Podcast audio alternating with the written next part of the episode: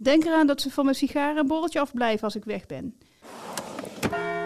Het geheugen van Brabant. Bonus.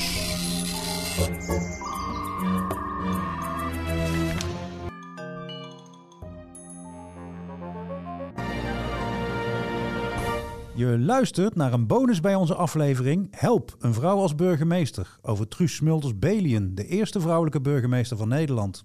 In deze bonus staan we stil bij het leven van haar voorganger en echtgenoot Jan Smulders. 20 april 1945. Het einde van de oorlog in Europa is in zicht. Maar voor Jan Smulders komt de overgave van Nazi-Duitsland helaas een paar weken te laat.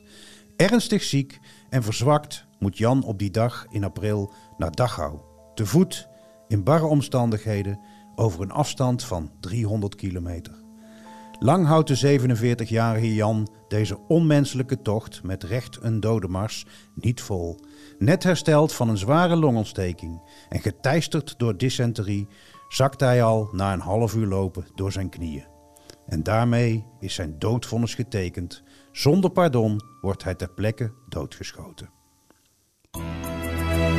Jan Smulders is de echtgenoot van Truus Smulders-Belien.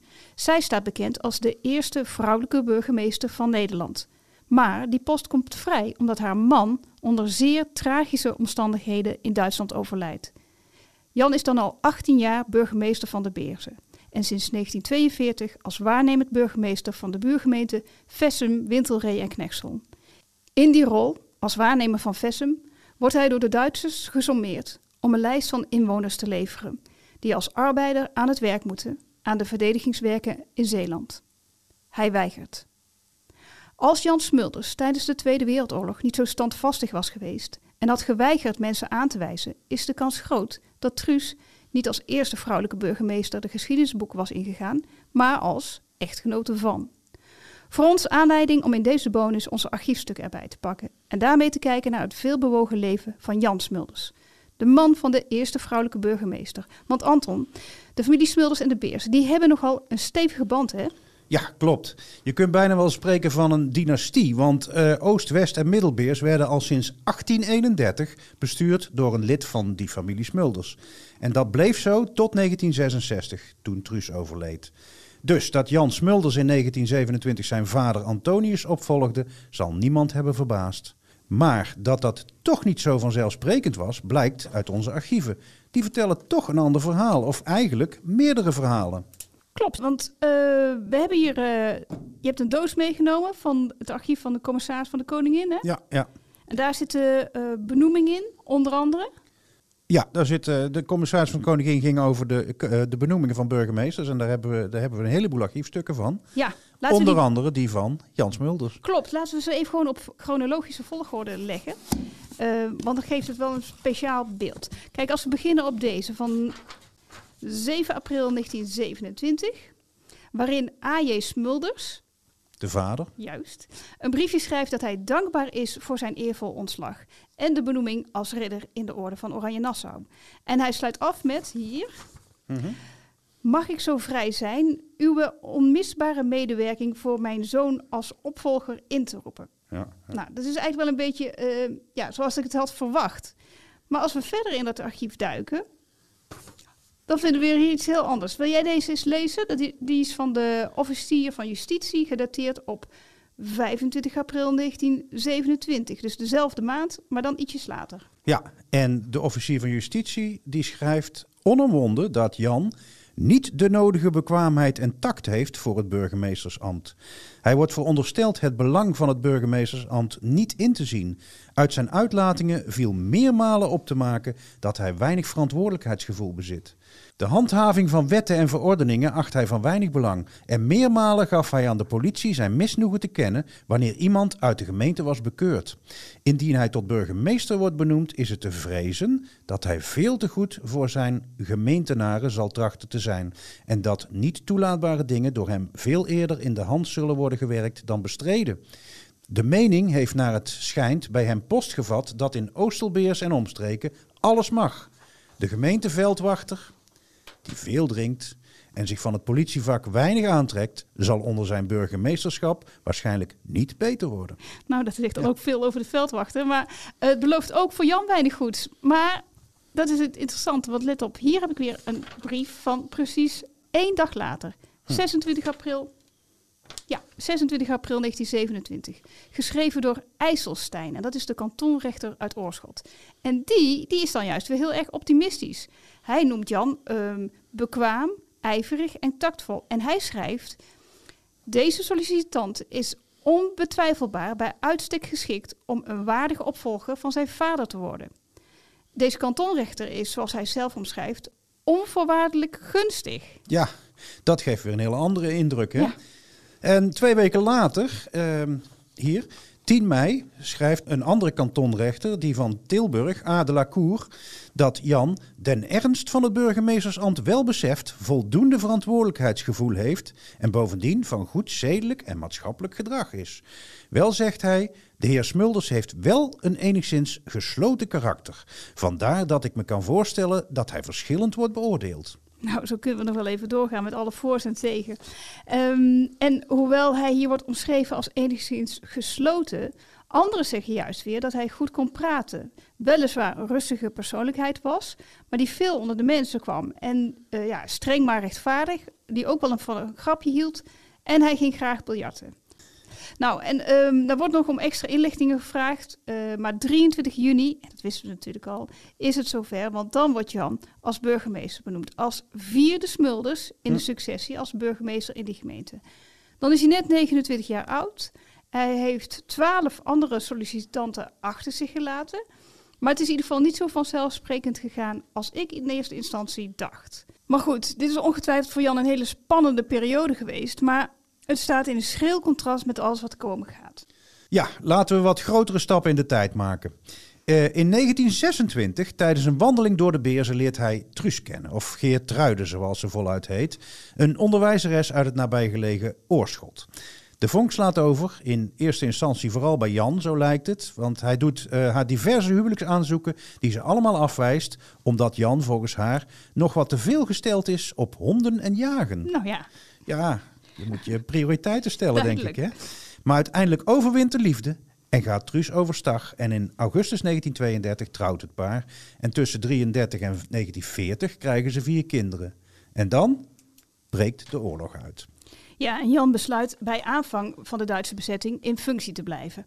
In 1942, hoorden we net al, wordt hij benoemd als waarnemend burgemeester van Vessem, Wintelree en Knechtsel. Het is een tijd van laveren, maar dat houdt niet langer stand in 1944. Want dan moet hij dus inwoners van zijn gemeente aanwijzen voor uh, het werk aan de stellingen in Zeeland.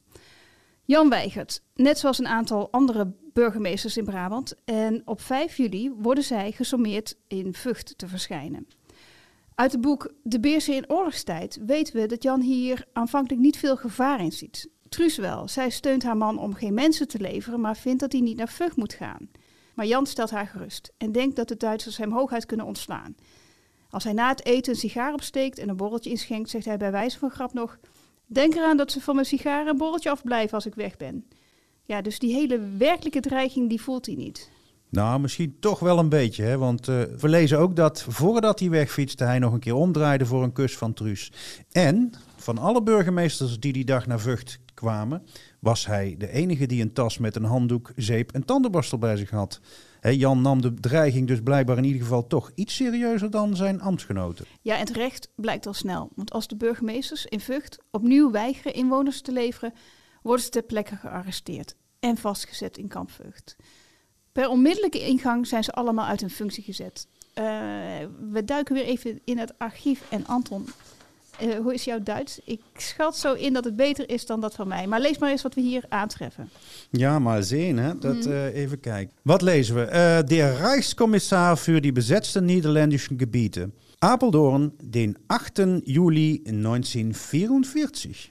Aufgrund des Paragraph 3 des Verordnung Nummer 148, vierte Verordnung und so weiter und so weiter und so weiter über die Ausübung der Regierungsbefugnisse in den Niederlanden entlasse ich mit sofortiger Wirkung Herrn J.W.A. Smulders aus seinem Amt als Bürgermeister der Gemeinde Oost, West und Middelbeers, getekend Wimmer. Nou, bedankt. Maar en ik vind hier ook nog de reden van zijn ontslag. eh, Ook weer geschreven vanuit Apeldoorn, maar dan drie dagen later. Dus we zitten dan op 11 juli 1944. Precies, en dan lezen we: Bürgermeister J.W.A. Smulders hat sich geweigert, bei der Gestellung von Arbeitskräften für Wehrmachtsarbeiten mitzuwirken. Der Herr Generalkommissar für Verwaltung und Justiz hat ihn daher mit sofortiger Wirkung und ohne Gewährung von Ruhegehalt aus seinem Amt entlassen. Ja, en daar komt nog een briefje van het departement van Binnenlandse Zaken van 14 juli 1944 overheen. Waarin, eh, naast zijn ontslag, ook staat vermeld dat hij geen pensioen krijgt toegekend. Oh, dat staat ook in het Duits, bedoel je? Ja, is ook pensioen, hè? Oké, nou dankjewel. Kort daarop worden ze eh kamp Vught eh, binnengebracht. Eh, Jans jongerbroer, chef, voelt hem dan ondertussen op als waarnemer in de Beersen. Kijk, hier hebben we weer een brief Ah ja. van de gemeente Oost, West en Middelbeers. En die is gedateerd op 23 november 1944. Brabant is dus al eh, bevrijd, hè? En eh, zo staat er ook naam en voornamen van den persoon die sedert de bevrijding der gemeente als burgemeester optreedt. Smulders, Antonius Josephus Maria. En chef blijft waarnemen burgemeester tot 46. Die staat trouwens ook op de lijst met sollicitanten, hè, chef. Ja. Maar hij moet het dus afleggen tegen schoonzus Truus. Oké, maar laten we nu teruggaan naar de lotgevallen van Jan. Want de SS die ehm, evacueerde op 5 september, dolle dinsdag, eh, het kamp Vught. En Jan wordt op transport gesteld, eh, diep Duitsland in eigenlijk, naar concentratiekamp Sachsenhausen. Een paar maanden later, 5 februari 45, volgt een overplaatsing naar Boegenwald. Een onvoorstelbaar zware tijd moet dat geweest zijn. Net als duizenden anderen staat hij bloot aan voortdurende mishandeling en wordt hij onder opzettelijk slechte omstandigheden gedwongen tot extreem zware dwangarbeid. Vernichting door arbeid. Vernietiging door arbeid heet dat dan. Er is nauwelijks eten of medische zorg en doordat de gevangenen met honderden tegelijk in barakken worden ondergebracht, grijpen besmettelijke ziektes om zich heen. Ja, wat zo ongelooflijk navrant is, is dat het al lang duidelijk is dat het voor de Duitsers een verloren strijd is. En Ja, de familie in Oosterbeers, die leeft dus al lang eh, in vrijheid. En dat is ook het geval als de geallieerden in april 45 op het punt staat Boegewald te bevrijden. Maar dan wordt Jan, met het grootste deel van de kampgevangenen, naar concentratiekamp Flossenburg gestuurd. Zeg je dat goed? Flossen- Flossenburg, ja. ja, oké. Tegen die tijd is Jan eh, fysiek al volkomen gesloopt. Hè? En dat lezen we hier in een brief gericht aan de commissaris der Koningin van 1 oktober 1945. Met als onderwerp overlijden burgemeester J.W.A. Smulders. Geschreven door de waarnemer, dus dat is gewoon zijn eigen jongere broer. Ja. Die schrijft dat twee inwoners van de gemeente Rukve als ooggetuigen bij Jans dood aanwezig zijn geweest. Zij vertellen dus hoe het zit met die ernstige longontsteking. Maar dat Jan die weet te overleven. Maar dan via Boegewald per trein naar Tachau wordt gevoerd. En daar Ja. loopt die dysenterie op. En vanuit Tachau moet hij dan naar Flossenburg. En vandaar, op 20 april 45, hè, waar we mee begonnen, eh, moeten ze weer verder ja, vluchten eigenlijk. Eh, en gaan ze van, moeten ze van Flossenburg, wat aan de Tsjechische grens ligt tegenwoordig, eh, richting Dachau, hè, wat in de, in de buurt van München ligt, dus naar het zuiden. En eh, ja, na pakweg een half uur al na vertrek zakt Jan volkomen uitgeput in elkaar langs de kant van de weg in de buurt van het dorpje Waldtoren. En net als de andere achterblijvers wordt hij dan door een Duitse bewaker ter plekke doodgeschoten. Ja, niet veel later, na eh, zijn executie, schrijft Truus Smulders dit briefje. Zeer eerwaarde heer pastoor, zojuist terug van Sint-Willebrod. Het is nu wel absoluut zeker. Mijn man is gevallen, als eerste even voorbij het kamp Vlussenburg op 20 april. Wilt u dit morgen vroeg in de heilige missen bekendmaken en hem op het gebed plaatsen? Verder zullen we het nog nader regelen. Beleefde groeten, hoogachtend, T. Smulders Belien. Jan Smulders werd slechts 47 jaar. En in 1957 wordt zijn stoffelijk overschot vermoedelijk herbegraven op het KZ Ehrenfriedhof in Kamp Vlossenburg. Wil je nou weten hoe het verder gaat met Truus Smulders Belien en hoe haar leven er verder uitziet? Nou, luister dan naar onze reguliere podcast-uitzending van deze maand www.big.nl slash podcast.